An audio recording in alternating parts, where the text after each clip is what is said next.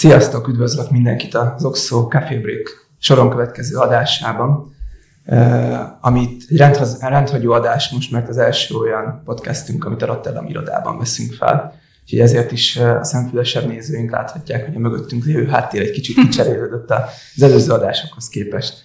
És ha már Café Break, akkor a vendégünket úgy hívtam meg, hogy egy kávé mellett szeretnék vele beszélgetni. Mai vendégünk pedig Gugán Réka, aki most már több mint majdnem tíz éve él itt Rotterdamban. Vállalkozóként kezdte az egyetem után, aztán eljutott odáig, hogy most már a befektetői oldalon ül. Úgyhogy a mai felvétel témája az az lesz, hogy hogyan jutottál el a vállalkozói léttől a befektetői létig, és ugye befektetőként egy elég speciális témára fókuszáltak a partnereddel együtt, ez pedig a, a foodtech, azon belül is az alternatív proteinek és az alternatív proteinekkel foglalkozó startupoknak a, a világa. Úgyhogy köszöntelek itt nálunk a mai adásban. Köszi Ricsi, köszönöm szépen a meghívást, és így, hogy kávéval vagyunk, így aztán igazán autentikus is. Jó itt lenni, szomszédok is vagyunk itt az irodaházban. Igen, rövid bemutatkozás. Így van, vállalkozóból indulva most befektetői székben ülök itt Rotterdamban alternatív proteinekkel foglalkozunk. Így úgy érzem, hogy az elmúlt tíz évben sikerült egy um, talán különleges pályát bejárni, így hogy a spektrumnak szinte az összes részét láttam. Az elején egy-két startupban kipróbáltam magam vállalkozóként, utána egy gyorsító programban dolgoztam Kopenhágában, a cleantech szférában, és onnan egy nemzetközi szervezetbe átcsúsztam, ez egy kicsit más aspektusát mutatta meg így a, a klímaváltozással kapcsolatos dolgoknak, és utána visszatértem így a privát, privát szférába, és most a befektetői szemszögből figyelem a dolgokat. Szuper, mielőtt mi ebben is belemegyünk, azért hadd kérdezzem meg először, hogy hogy indult nálad ez az egész, miért, miért pont ezzel a témával foglalkozol, hogyha jól tudom, ugye itt előtte már beszélgettünk a, a startupok, vagy startup, amik, amikben részt vettél, azok is főleg a, a, a Green Tech, Climate Tech fókuszban voltak, Agritech fókuszban, de hogy jött neked ez az egész? Uh-huh. Hogy indult el, hogy te ezen a pályán uh-huh. szeretnél? Egyszer volt, hol nem volt.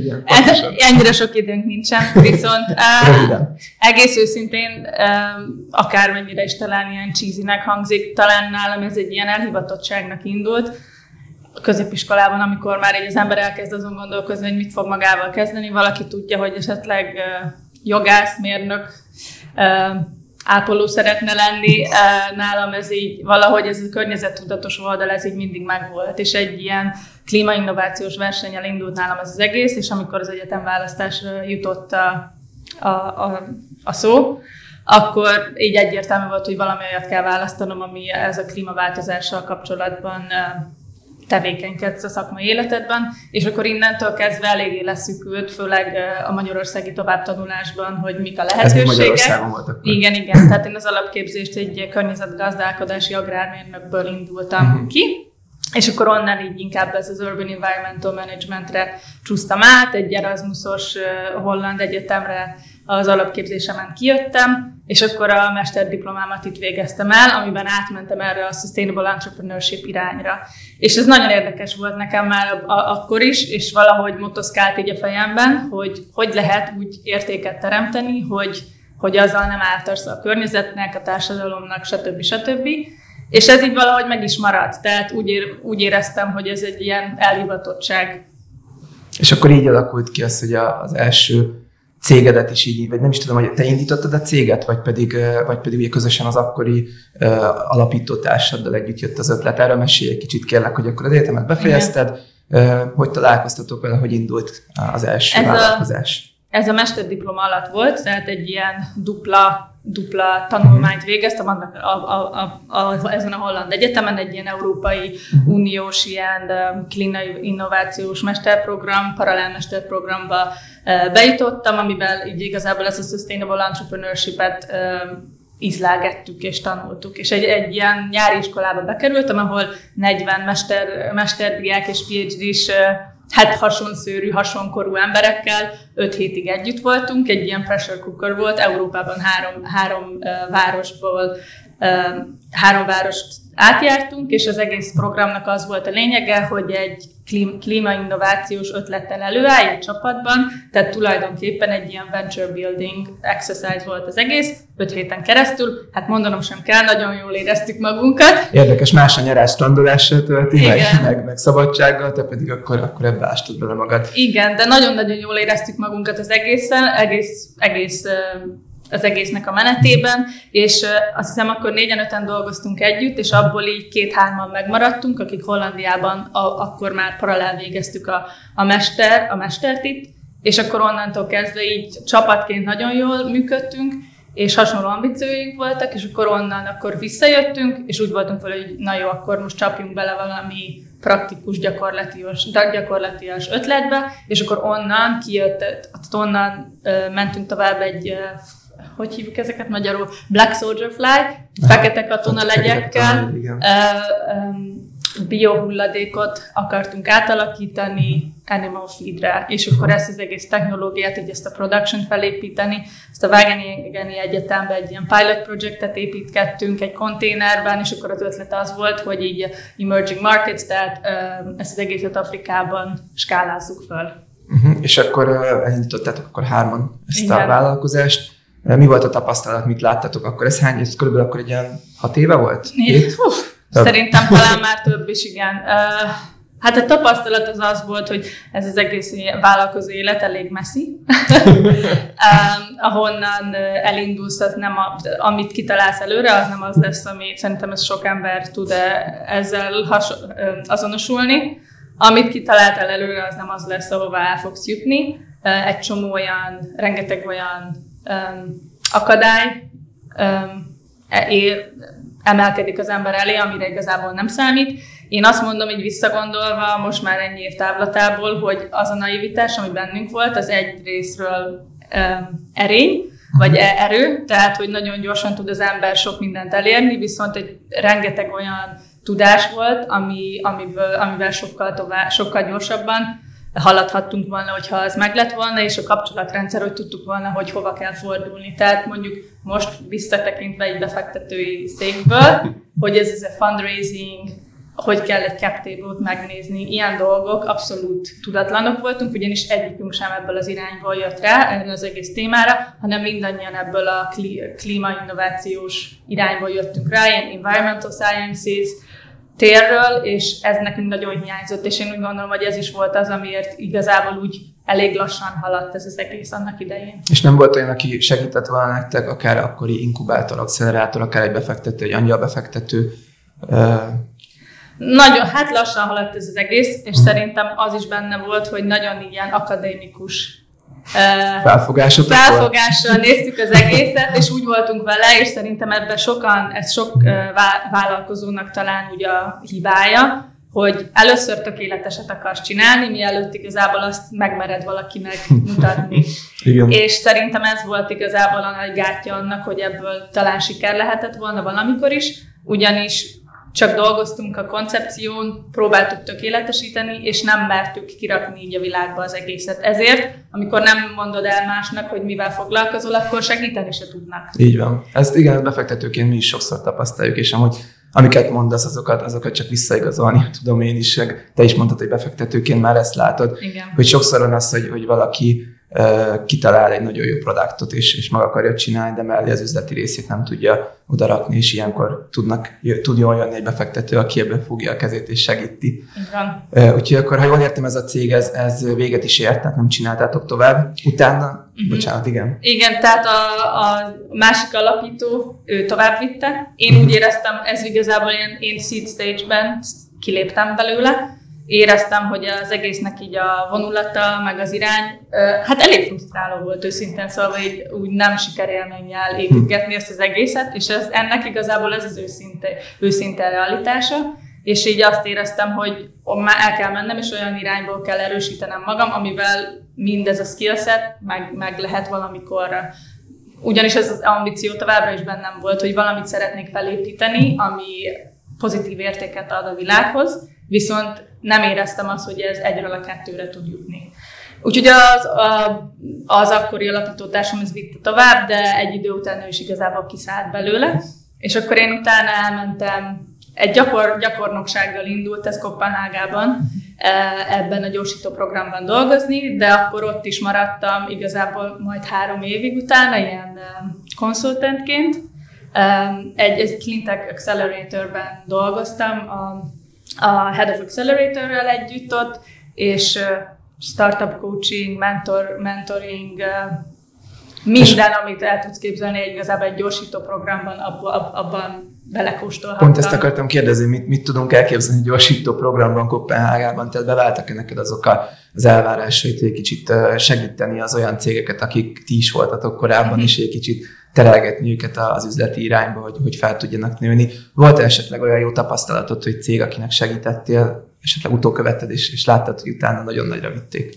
Igen. Uh volt, és még vannak, akikkel mai napig kapcsolatban vagyok, és most beszélgettünk velük, mint befektető. Tehát ez az igazi, igazi csimboraszója a dolognak. Um, nagyon jó tapasztalat volt, ez a gyorsító program um, tudással segített, nyilván um, pénzügyi segítség is volt benne, de mellette voltak ilyen bootcampek, training sessionök, amivel olyan szakmai embereket belehoztak ezeknek a startup csapatoknak így az életébe, amiben pont azokat a dolgokat erősíthették és tanulhatták, amiben nekem tapasztalatom volt, amiben mondjuk hiány, mi hiányt szenvedtünk, ahogy te is mondtad, ez az üzleti élettel. És, sok, és én főleg ebben a gyorsító programban pont ezt láttam, hogy rengeteg akadémiából kivált ember, tehát PhD-sek, mesterdiplomások, akinek volt egy jó ötletük, azt commercializingolni akarták, viszont fogalmuk nem volt arról, hogy ebből hogy lehet jó üzletet csinálni. És ez az sokszor, amit így behoztak ezek a gyorsító programok az ő életükbe, és nyilván összekötötték őket befektetőkkel, stb. stb. Egy nagyon jó um, példa van, akik annak abban az időben, amikor én ott voltam, ők még csak ötlet szinten voltak meg, a koncepció megvolt, hogy mit szerettek volna csinálni, és annak abban az időben én a Climate Launchpad-nek a Nordic, a, a Dán verzióját segítettem megrendezni, 2018-as széria volt, azt hiszem, és ők az bejutottak erre a globális Startup Ideas Competitionre, tehát nagyon sokáig vitték, és akkor még tényleg csak egy ötlet volt. Most fast forward, 5-6 évvel később, most Európa egyik legnagyobb fermentációs wow. gyárát építik. Wow. Most szerintem az több mint 50, 50 munkaerőjük van, és mindenféle díjakat nyernek ide-oda, és ez tényleg egy ötletből indult annak idején, és ez nekem igazából azt mutatja meg, hogy ebben igenis nagy érték van ezek a vállalkozók mögé odaállni, támogatni őket, kisegíteni, és úgymond olyan nyereség-nyereség helyzeteket felállítani, amivel ők jobban tudják skálázni a saját üzletüket, viszont a másik, másik oldalról pedig mindazt meghozzák, amit egy befektető vagy egy innovációs közösség szeretne. Igen, azért, azért így hallgattam a történetedet, nekem az jutott eszembe, hogy azért ritka az olyan sztori is, legalábbis én, amiket eddig láttam, hogy, hogy egy startup versenyt, vagy versenyeket nyer, és mellettem, hogy az üzletet is tudja építeni, és, és ilyen sokra viszi, szóval ez egy, ez egy jó példa azoknak is, akik, akik mondjuk egy versenyt megnyertek, és utána nem szabad leülni, hanem az üzletet tovább kell építeni. Tehát látszik, hogy, hogy, hogy lehet nagyra vinni ötletfázisból is. Így van, és ehhez hozzá kapcsolva pont e, ennek a startupnak a példája volt, hogy ők nagyon tudatosan építették, és én ezt így utólag már nem tudom megmondani, hogy, hogy kaptak egy jó tanácsot valakitől, vagy egy, egy ilyen angyalbefektető tényleg jó irányba terelgette őket, de nekik nagyon tudatos volt a stratégiájuk, hogy ilyen family office-okkal dolgoznak együtt, így a, a, a fundraisingükben, tehát nem a gyors tőke után mentek, hanem inkább stratégikus ilyen kapcsolatrendszereket próbáltak kialakítani, amivel így elég, elég jól tudtak, tudták építeni a dolgokat. Tehát szerintem egy csomó olyan soft skill-t megkaptak a befektetőiktől, ami hiányzott. És ez ez egy elég ilyen stratégikus gondolkodást igényel. Fú, nagyon sok olyan témát érintünk, amiről napokat lehetne beszélni, ez a stratégikus építkezés, és hogy nem feltétlenül a gyors tőke jó, hanem az, ami hát, te, mint vállalkozó látod, hogy hogy segít a cégednek a tőke, és hogyan akarod bevonni, és miért pont azt a befektetőt, ahogy mondtad is, más stratégia az, hogyha ha a gazdagabb családokkal, family office-okkal megy valaki, vagy pedig a VC irányba fordul el, úgyhogy eh, erről a kerestig is tudnánk beszélgetni, de lépjünk egy kicsit tovább akkor a a gyorsító program után ugye elkerültél egy, egy NGO-hoz, igen. Ez egy, ez egy kis kitekintés volt akkor a karrieredben, erről mesélsz egy pár szót. Igen, hogyan?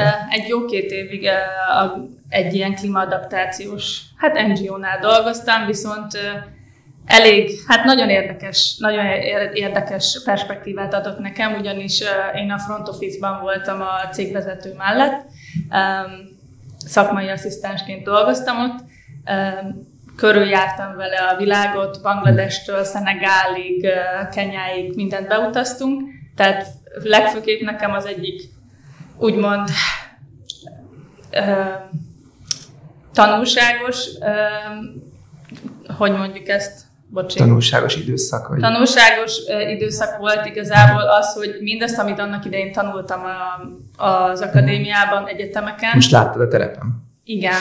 Amikor az ember elmegy fejlődő országokba, és, és konfrontálod az, azokat az összes klíma a klímaváltozással kapcsolatos problémákat olyan skálán, amit, így, amit igazából a, a mi életünkben az ember nem lát és nem tapasztal. Ez volt az egyik. A másik pedig az volt, hogy ez a, ez a szervezet abszolút politikai, politikai skálán mozgott, ami nagyon érdekes betekintés volt nekem, viszont így egy több mint két év után sok frusztrációt is adott, ugyanis azt éreztem, hogy egy csomó dolog, rengeteg dolog nem tud úgy, úgy haladni olyan gyorsan, mint ahogy ez a sok, sok um, challenge ezt az egészet megkövetelni. Hmm. És akkor nekem a legnagyobb Tehát a bürokrácia miatt lassan haladtak a folyamatok, Igen. és, és nem tudott olyan gyorsan haladni, mint ahogyan kellett volna. Így volt, Aha. és akkor nekem ez volt talán a fordító pont, hogy vissza kell térnem az üzleti életbe, de ez már itt volt Rotterdamban. Ez már itt volt Rotterdamban, ez, ez egy Hol-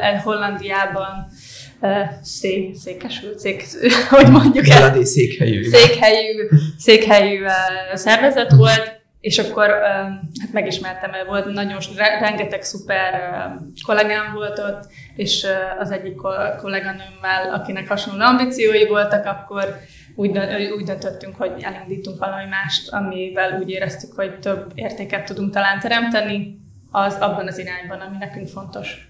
És akkor igen, elérkeztünk a, ahhoz a ponthoz, eh, ahol meg is, meg is említhetjük, hogy Mariával, ugye én uh-huh. nem titok, én is ismerem a, az igen. alapító társadat is, és egy ketten együtt uh, alapítottatok egy, egy befektető céget, Igen. Uh, aminek érdekessége ugye az is, hogy uh, nem is azt mondja érdekessége, talán az, hogy, hogy uh, egyedisége az is, hogy, hogy egy teljesen női alapítású befektető cégről van szó, uh-huh. eh, ahol ugye a gender equality az egyik fő szempont, a másik fő szempont pedig az, hogy, hogy foodtech, de főleg alternatív protein típusú startupokba, startupokat kerestek és startupokba fektettek.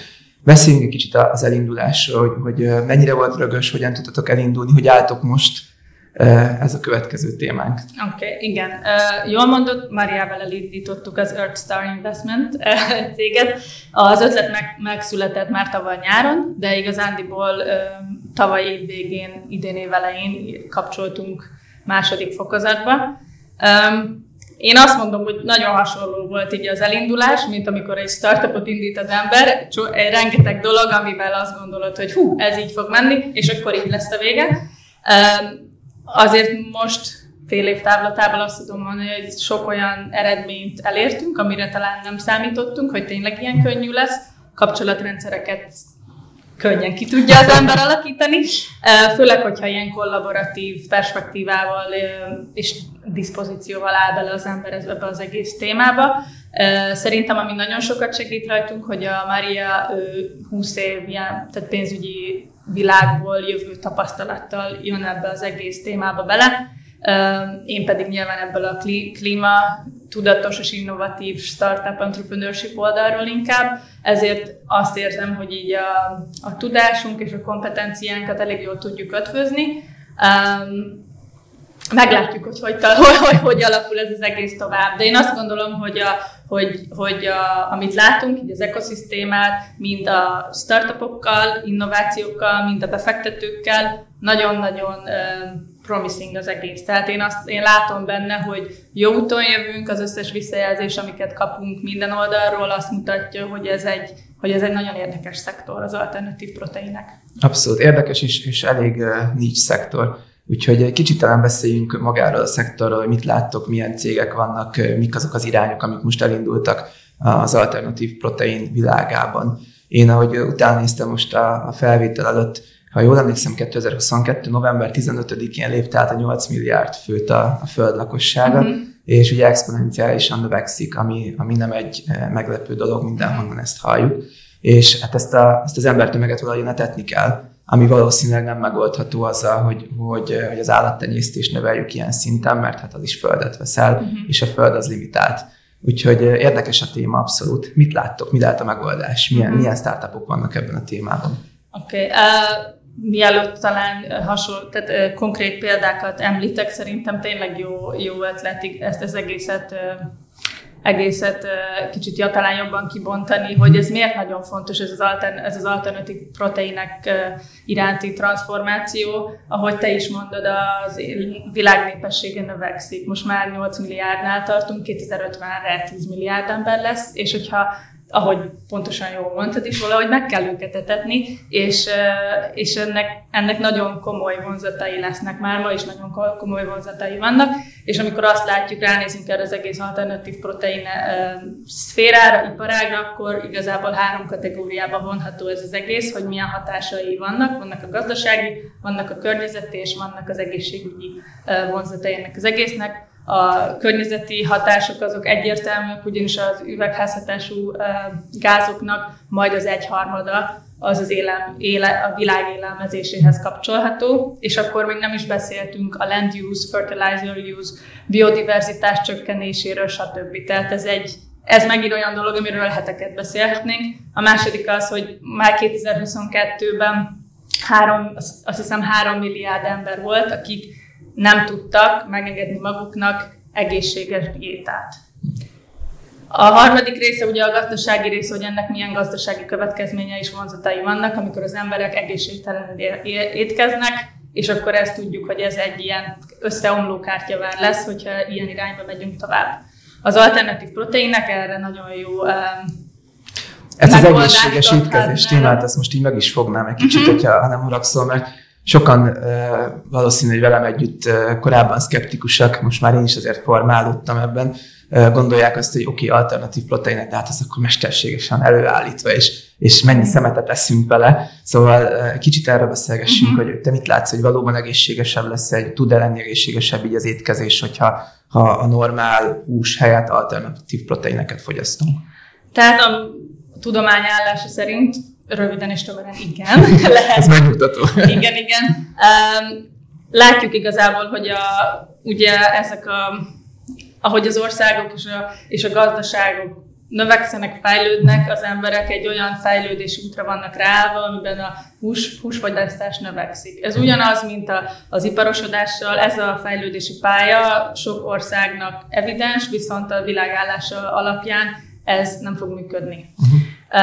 Az egészséggel kapcsolatban ugye a vörös húsfogyasztás sok, a túlzott vörös húsfogyasztás sok negatív vonzattal jár egészségügyi szempontból. A, er, erre ezt az egészet nagyon röviden megválaszolva, ez a sok technológia, ami most így az alternatív proteinekben van, precíziós fermentáció, ez a cultured meat, amit laboratóriumban fejlesztenek, a plant-based, tehát a növényi alapú magokból, hüvelyesekből előállított protein alternatívák, mindegyiknek az a, úgy mondom, pozitívuma, hogy az innováció és a technológiának segítségével az olyan dolgokat, ami az egészségre negatív, azokat minimalizálni tudjuk, és olyan dolgokkal tudjuk helyettesíteni, amik az emberi, emberi egészséggel jobbak.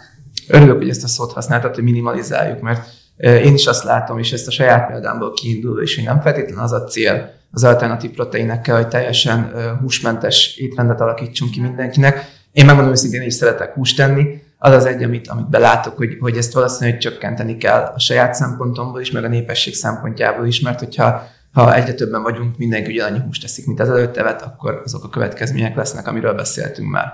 Igen. És talán egy, egy személyes példával is éltetve ezt, amikor legutóbb ugye összeültünk, Igen. pont egy, kipróbáltunk egy, egy, egy prospektív startupnak a, a, a, termékét, igen. igen egy alternatív protein, vagy egy plant-based barbecue volt, ha jól emlékszem, uh-huh. és nekem is az volt a megélésem, hogy ha a hússal hasonlítom össze, akkor nyilván, nyilván egy csalódás lesz, nem, nem szabad hússal összehasonlítani. Viszont, hogyha megettem belőle egy szeletet, amit általában mondjuk egy, egy ilyen uh, húsból három-négy szeletet meg tud enni az ember, mm-hmm. megettem egy szeletet, és teljesen eltelítődtem. Tehát laktatott, uh, abszolút egy pozitív csalódás volt ez. Mm-hmm. És ugye ez, ez nagyjából egy irány, és ezt kell belátnia szerintem az embereknek is, hogy nem azt várja el senki az embertől, hogy abszolút tegye félre a húst, hanem azt várja, hogy egy kicsit tudatosabban étkezzen és menjen ebbe az irányba.